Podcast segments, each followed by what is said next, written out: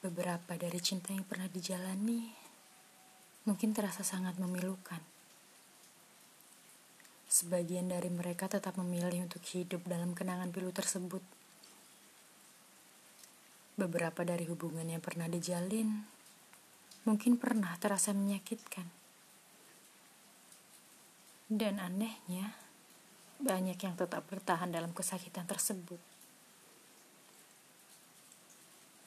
Entah mereka tidak mengetahui cara untuk melepas, atau mereka masih berharap kepada orang-orang yang nyatanya telah terlepas.